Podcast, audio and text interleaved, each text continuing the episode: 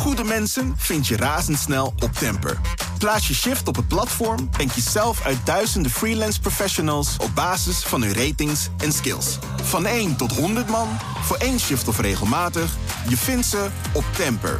Al vanaf 18,90 per uur. Temper, shift your workforce.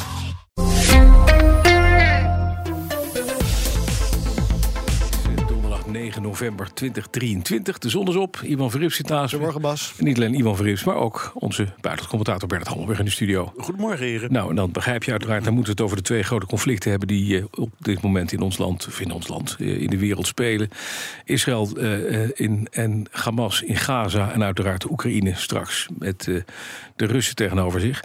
Eh, eerst eventjes, Bernard, naar jou het laatste nieuws. eh, eh, wat we zagen en wat we ook vanmorgen besproken hebben, is dat, je zei het net al, New York Times had het al eventjes over voor de uitzending, hebben een reconstructie gemaakt met de kopstukken van Hamas.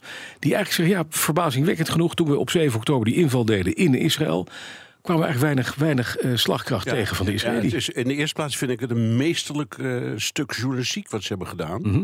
Omdat wij hebben het steeds al maar over wat is er gebeurd, waarom is het gebeurd, is het zo gedaan, wilden ze eh, aandacht trekken, re- rekenden ze op, eh zal maar zeggen, een slachtpartij onder, Ja. onder eh, de Palestijnen. Het antwoord is allemaal ja. Mhm. Het is inderdaad zo bedacht. En het is knap om al met die kopstukken te spreken. En dat heeft de New York Times gedaan. Ook met de andere kant trouwens. Maar inderdaad, hun conclusie was. eh, van, die, van, die, van de Hamas niks, zal ik maar zeggen. Ja. eh, dat ze eh, verbijsterd waren over de slechte voorbereiding van de, Van de Israëliërs. Israël, ja. Ja. die wisten. Ja. Ehm, en dat het dus wat dat betreft ietsje anders is gelopen dan ze hadden gerekend. Maar de, het doel eh, was inderdaad om, laat maar zeggen, een Israëlische reactie uit te lokken. En daardoor de Palestijnse zaak weer op de kaart te krijgen. Mhm. dat, eh, dat was de strategie. Nou, het is gelukt, mogen we wel zeggen. Dat is gelukt. Anderzijds, wat we ook weten inmiddels, is dat er tienduizenden doden te betreuren zijn op Gaza. Hè. Gazanen die daar eh, het slachtoffer zijn geworden van de tegenacties die er gepleegd worden. Eh, Israël zegt nu, we hebben Noord-Gaza onder controle. Eh, we hebben 130 liftschachten, of, of, van die tunnelschachten hebben we weten aan te vallen. Toch, er worden nog steeds, komen Hamas jongens uit, uit Kuilen en die, en die schieten terug. Hoe, hoe gaat het nu? Ondertussen wordt er ook nog onderhandeld onder druk van het Westen met Netanyahu om te kijken of er een soort staakt het vuur kan Ja. komen om gijzelaars vrij te laten. Het is een zootje. Ja, maar het hangt wel ook een beetje samen. De, Ja. de, de strategie is kennelijk dat ehm, eh, Israël zegt... we willen in afval dat Noord-Gaza zo goed mogelijk onder controle hebben. Dat betekent verschillende dingen. Ja. Het uitschakelen van eh, gevechtsposities, lanceringrichtingen... ga zo maar door. Mhm. hè. Dat is eigenlijk, om het zo maar te zeggen, het makkelijkst. Ja. Eh, en dan die tunnels. Eh, gisterenmorgen waren het er 100, nu zijn het er inmiddels 130, zeggen ze. Waar ze dus ingaan met robots en met snuffelhonden en ook soms zelf. En die willen ze stuk voor stuk proberen uit te schakelen, Ja. omdat daar het kwaad zit. En dan krijg je, waar jij het over, ook over hebt, de discussie over... ehm, hoe lang en wanneer stop je daarmee? En kunnen er gevechtspauzes komen? Of kan er een, eh, een, een langere gevechtspauze komen van een paar dagen? Om, Ja. om, om mensen. En dan krijg je weer een discussie. Ja, dat kan alleen maar in ruil voor gijzelaars. Oh ja, hoeveel dan? Nou, in dat stadium zitten de internationale onderhandelingen. Ja, precies. Daar gaat het inderdaad om 10, 15 gijzelaars in 1 tot 3 dagen. Netanyahu heeft altijd tot nu toe gezegd, we doen het niet. Maar ook de kritiek in Israël zwelt aan op de aanpak van, de van het Israëlisch leger daar in Gaza. Ja, omdat eh, een van de dingen die, die Netanyahu heeft laten, eh, op, al een paar keer heeft gezegd, verschillende formuleringen, is dat wanneer deze fase van die oorlog voorbij is, Ja. dus we hebben eh, Noord-Gaza op zijn minst onder controle, dan, dan willen wij toezicht houden op de veiligheidssituatie daar. Heel veel mensen zeggen, wat bedoel je dan precies? Ja, dan bezet je dus eigenlijk de maar in feite kun je dat uitleggen als een soort bezetting. Ja. Eh, en de meeste Israëliërs zegt dat nooit meer. Ja. We hebben niet voor niks dat land in 2005 verlaten. Ja. En het is gruwelijk dat er daarna een staatsgreep is gekomen door Hamas. Ehm, en met alle gevolgen van die. Maar we willen niet terug naar die situatie. Nee. De druk om dat niet te doen komt van buiten, maar ook van binnen. Ja, en dat is interessant. Want wat gaat Netanyahu daarmee doen? En het punt is, hij, heeft al, hij is al als een olifant door de porseleinkast heen gegaan. De schade is er gewoon. Ja, dat, dat, dat kun je zeggen. Aan de andere kant, hij heeft ook nog wel heel veel steun daarvoor. Omdat, de, kijk, het idee dat je eh, los van het drama en, en, en de menselijke gevolgen... en de doden en gewonden en de kinderen, ga zo maar door... daar heeft ieders hart draait om, Ja. dat soort verhalen. Dat, mag, dat, is, dat is duidelijk. Ehm, maar zijn redenering is: als Hamas niet wordt uitgeschakeld, kunnen we niet verder. Ja. En dat is wel een punt. Want dat zeggen ook, je had het daar straks met Jan van Bentem al Mhm. over. Dat geluid hoor je ook in de Arabische wereld. Ja. Eh, Palestina is gedefinieerd als de Westhoever en Gaza. Dat Mhm. is samen Palestina. Dat is destijds zo vastgesteld. Eh, die twee delen die liggen overhoop met elkaar. Want Hamas en Fatah zijn aardsvijanden. Ja. Wil je ooit kunnen praten over één Palestina, dan moet die stoorzender ertussenuit. Uit. Dat Eh, is ja. precies. Ja, en dat is wat Netanyahu ook. Eh, Dat- eh, dat is duidelijk. Ja, terecht zegt. En wil je ooit gaan praten over dingen als een twee-staten-oplossing, dat is heel ingewikkeld, nog heel ver weg. Dan is de eerste voorwaarde Ja. dat je praat met één Palestina. Ja, en niet met twee nee, maar, en waar Van Benten vanmorgen mee kwam, vind ik ook wel een, wel een hele heldere. Die zegt, ja, kijk, er ontstaan nu inderdaad vanuit het Midden-Oosten zelf ook eh, stemmen. Die zeggen, ja, maar dat Hamas is echt een enorme stoorzender. Die zorgt ervoor dat het, dat het nooit gebeuren gaat. Anderzijds, wat je nu wel ziet, is dat er ook een generatie ontstaat van kinderen van nu eh, tussen de 10 en de 14. Die, die nu denken, ja, die Israëliën die hebben een hele verkeerde rol gespeeld. En wij gaan daar. Dit, dit, dit worden de, de nieuwe kindsoldaatjes van, van Hamas straks. Zeker, zeker, dat is ook zo. Ja. En eh, eh, eh, dat is inderdaad een heel probleem. Los van de vraag of, zo, of je echt Hamas uit kunt schakelen. Ja, je precies. kunt, je kunt dus zeggen, in het noorden kunnen we zorgen dat de, de roverhoofdmannen die we kunnen. daar kunnen Ja, vinden, die precies. zijn er, die zijn weg. Die tunnels die we kunnen doen, dat, dat, dat lukt dan misschien ook nog wel. Hm. Dus de infrastructuur krijg je dan misschien wat in handen. Maar ja, eh, de bazen die zitten in, in Qatar. Hm. In Qatar. En, eh, eh, eh, ja. en eh, leven daar trouwens een zeer wilderig leven. Eh, en eh, eh, eh, eh, ik, bij dit soort dingen is het altijd de vraag: kun je een, een, eh, een vijandelijk groep helemaal uitschakelen? Ik geloof dat niet. Maar ik begrijp wel dat de Israëliërs zeggen: ja, maar zo, we gaan tot gaatje. Ja. Rutte gisteren in Qatar geweest en ook met Netanyahu gesproken later. Wat heeft hij daar gezegd? Want daar laat hij zich niet over uit. Ja, ik, ik denk dat hij een paar dingen heeft eh, eh, ge- gezegd. Namelijk, we moeten komen tot op de een of andere manier een vergelijk. Jullie spelen een belangrijke rol. Jullie hebben goede contacten Ja. met Hamas. Sterker nog, eh, de- jullie bieden onderdak aan de leiding van Hamas. Ja. Eh, jullie zijn ook heel eh, duidelijk bezig geweest en met succes met de eerste onderhandelingen over gijzelaars. Jullie financieren Hamas voor een groot deel.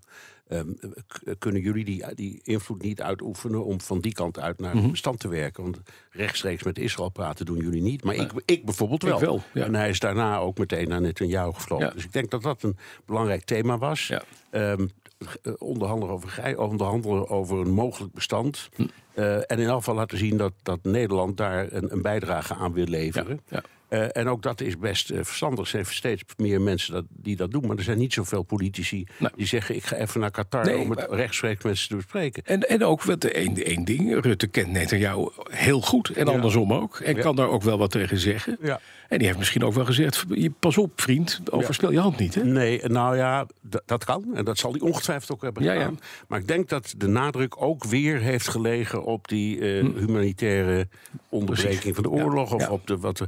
je weet, er is eh, anderhalve week geleden ruzie geweest, zeven uur gediscussieerd binnen de Europese eh, Commissie of Unie eh, over één letter S. Ja. Gevechtspauze of gevechtspauzus. Want gevechtspauze zou betekenen een soort wapenstilstand. Dat was onbespreekbaar. Ja. Maar gezegd, ge- gevechtspauzus. Dat zijn af en toe- gevechtspauzes. Af, Ja. precies. Ja, dat je even stopt. En ik, Ja. denk, ik denk dat het gesprek daar ook weer over is gegaan. ja, ja. Over dat humanitaire, heel leuk. Geert-Jan, je bent ook bij ons. Jij spreekt later vandaag. Goedemorgen met minister van Defensie Kajsa Ollongren. Die was gisteren al in de Daily Move hier. Net uit Cyprus. We hebben een Nederlands schip ingezet daar. En er wordt nu gesproken, eh, ook eh, vandaag een, een, een, een deel op de top in Parijs... die georganiseerd is door Macron... over die humanitaire zeecorridor naar de Gazastrook. Hè. Vanuit Cyprus, vanuit Limassol gaan er dan schepen varen... om hulpgoederen te brengen naar Gaza. Wat, wat, wat ga je met, met eh Ollongren bespreken daarover? Nou, Schrijnemacher, minister Schrijnemacher gaat naar Parijs voor die conferentie waar je ja. het over hebt. En eh Ollongren, eh, ja, daar wil ik toch wel van weten waarom nou specifiek ook dit schip. Mhm. Ehm, omdat er dus een patrouilleschip heen gaat en er natuurlijk vanuit Cyprus wordt gewerkt aan een internationale zeecorridor voor Mhm. humanitaire hulp en ook voor, voor evacuees. Uh, maar wat is de gedachte achter dit, uh, dit specifieke schip? Want er liggen al veel transportschepen. Uh, maar het is wel duidelijk wat Bernard ook zegt. Nederland bemoeit zich nadrukkelijk met de oorlogen in en nabij Europa. Want ja. ik heb het even opgeteld. Rutte was drie weken geleden in het Oekraïnse Gerson. Olongren was daar vorige week in Kharkiv en in Kiev bij Zelensky op de thee. Ze heeft F-16's naar Roemenië uitgezwaaid. Rutte is nu twee keer in Israël geweest. En uh, um, ja, Ollongren uh, bij Cyprus. Als je dat optelt, een demissionair kabinet is nog nooit zo druk geweest als nu. Ja, in het buitenland. Is niet op de winkelpas. Bedoel je? Nee, nee, dat, dat is zo. Uh, toch eventjes, die, die, zo, gaat dat er komen inderdaad, die zeecorridor, Bernard, denk je inderdaad? Gaat Macron dit trekken? Want ja, daarvoor zou je zeggen, daar heeft hij ook de hulp van Israël bij nodig. Ja, in ieder geval de toestemming. En die zit er niet aan tafel. Nee, nee en dat is zeker nodig, omdat um, uh, Israël de, de wateren mm -hmm. van Gaza ook bewaakt en eigenlijk onder controle heeft. Ja. Na de, dat gedoe heel lang geleden met die flotilla's, wat, wat dan ook hè, vanuit Turkije, daar is enorm gedoe over geweest. Sindsdien bewaken ze dat heel streng. Hm. En er, er, zal dus een, een, regeling moeten komen met de Israëliërs die goedkeuren dat dat conform komt. Ja, precies. En dat zij met hun onderzeeërs en met hun uh, kanonneerboten even opzij gaan. Ja. He, dat is eigenlijk wat er moet gebeuren. Het lijkt mij een kans te hebben. Ik vind het best een goed plan. Ja, absoluut. Even naar Oekraïne. Want in, intussen hebben we gisteravond weer het vijfde, of het zoveelste derde, geloof ik, Republikeinse uh, presidentskandidaat debat gezien zonder, zonder Trump in Amerika. Heel interessant. Er werd uitgebreid gesproken over Israël. Oekraïne zien we helemaal niet meer terugkomen. Mike Johnson heeft uh, gezegd, hè, de nieuwe Speaker of the House, we gaan geld stoppen in, uh, in Israël. Over Oekraïne weten we nog niet allemaal. Oekraïne is helemaal van de scope af. Ja, nou, niet helemaal, maar, maar wel een beetje. in elk geval niet van de scope van Biden. Ja. Ja. En wat, ik, wat mij niet zou verbazen, als Johnson zijn zin krijgt... Mm -hmm. en, en, dit wordt zo doorgedrukt door het Huis van Afgevaardigden... Ja. Dan krijg je confrontatie met de Senaat, want die kijkt wel naar allebei. Die, die heeft een ietsje ander inzicht. En er, kan doodgewoon een veto komen van mm -hmm. Biden. Die kan per presidentieel dus decreet zeggen, we gaan het gewoon overmaken. Nou, nou, nee, maar die kan dus zeggen, als ja. het gaat alleen maar om geld overmaken... Ja. of steun verlenen aan Israël en niet aan Oekraïne... Ja, dat, is, dat is, in de vorm van een wet wordt dat gegoten. Daar zet ik mijn veto onder. Ja. Dat, kan, maar dat moet dan weer ongedaan worden gemaakt met twee derde in allebei de huizen. Hm. En dat halen die Republikeinen niet. Nee. Dus dan, dan, dan ben je weer terug. En dan zou die inderdaad per decreet zoiets kunnen doen. Maar dat doet hij liever niet. Nee, nee. Want in, in, uh, in kwestie heb je in Nederland ook. Hè.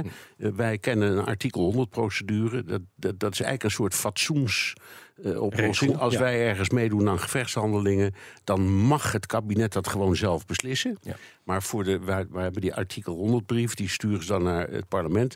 En uh, dat is een soort mededeling. Hè. We, gaan nu, we gaan nu oorlogshandelingen verrichten. En dan zeggen ze altijd, dan hopen wij op ruime meer uh, steun in de ja. Kamer. anders doen we het niet. En zo zo moet dit ook. dit ja. kan alleen maar als het op ruime steun rust. En ik denk wat dat betreft dat ook die steun voor Oekraïne wel terugkomt. Het grootste probleem daar ja. is, de, is de enorme uh, stijging van uh, Trump in de peilingen en de keldering van Biden. Ja. Dus er is een kentering in de politiek aan de gang. En Biden is, uh, Trump is Mordicus anti-hulp tegen. Absoluut. Ja. ja. En, en daarmee kunnen we één ding stellen, Gert-Jan. Uh, als het gaat om financiële steun, dus is Europa inmiddels Amerika voorbijgestreefd. Hè? Want de Europese Commissie wil uh, binnenkort een steunpakket van 50 miljard gaan geven. Uh, alles bij elkaar. Ja, wij gaan een grotere rol spelen. Hè? Ja, maar bij ons gaat het ook niet vanzelf. Mm. dat heeft een een naamgenoot van mij deze week nog maar eens uh, benadrukt. Ja. Want de Brusselse uh, budgetbaas is Johannes Haan. Geen familie? Dus de eurocommissaris van begrotingen. Een, uh, een uncle from another mother somewhere. ja. Um, het grote probleem ehm, binnen de EU is dat alle landen moeten het eens zijn met dat gigantische steunpakket van 50 miljard euro. En Hongarije hm, um, loopt te muiten. zegt mogelijk tegen te stemmen. En nu zegt deze eurocommissaris met mijn naam dat de commissie zich niet laat chanteren. En dat ze dan gewoon met de overige 26 landen om, uh, om dat ene land heen gaan werken. Nou, wat daar speelt is dat Hongarije zelf nog zo'n 28 miljard euro van de commissie krijgt. Geld dat bevroren is, dat op de plank ligt. Ja. Uh, moeten ze eerst de rechtsstaat verbeteren. Maar daarover zegt uh, Eurocommissaris Haan: uh, zoek het maar uit, Orbán. Uh, je moet gewoon die rechtsstaat hervormen en dan pas krijg je het geld. Ook al wil je ons gaan chanteren. Ik kan je één ding voorspellen: er is in december nog een Europese top. Daar gaat het over gigantisch veel geld. Het gaat over dit, maar het gaat ook over ehm, eh, Russische tegoeden die eh, bevroren zijn. En of we dat vanuit Europa in één keer naar Oekraïne kunnen doorsluizen voor de wederopbouw. Het wordt echt eh, een macro-economische top volgende maand in Brussel, die nog de bedragen uit Amerika overstijgt. Dank jullie wel. Beiden, buitencommentator Bernard Hammelburg hier in de studio en Europa-verslaggever Geert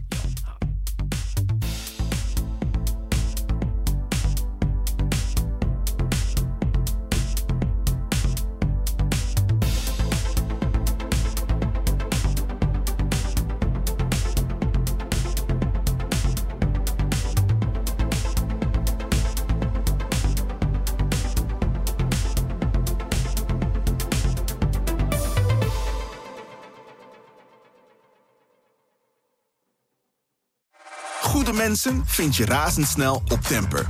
Plaats je shift op het platform en kies zelf uit duizenden freelance professionals op basis van hun ratings en skills. Van 1 tot 100 man, voor één shift of regelmatig, je vindt ze op Temper. Al vanaf 18,90 per uur. Temper, shift your workforce.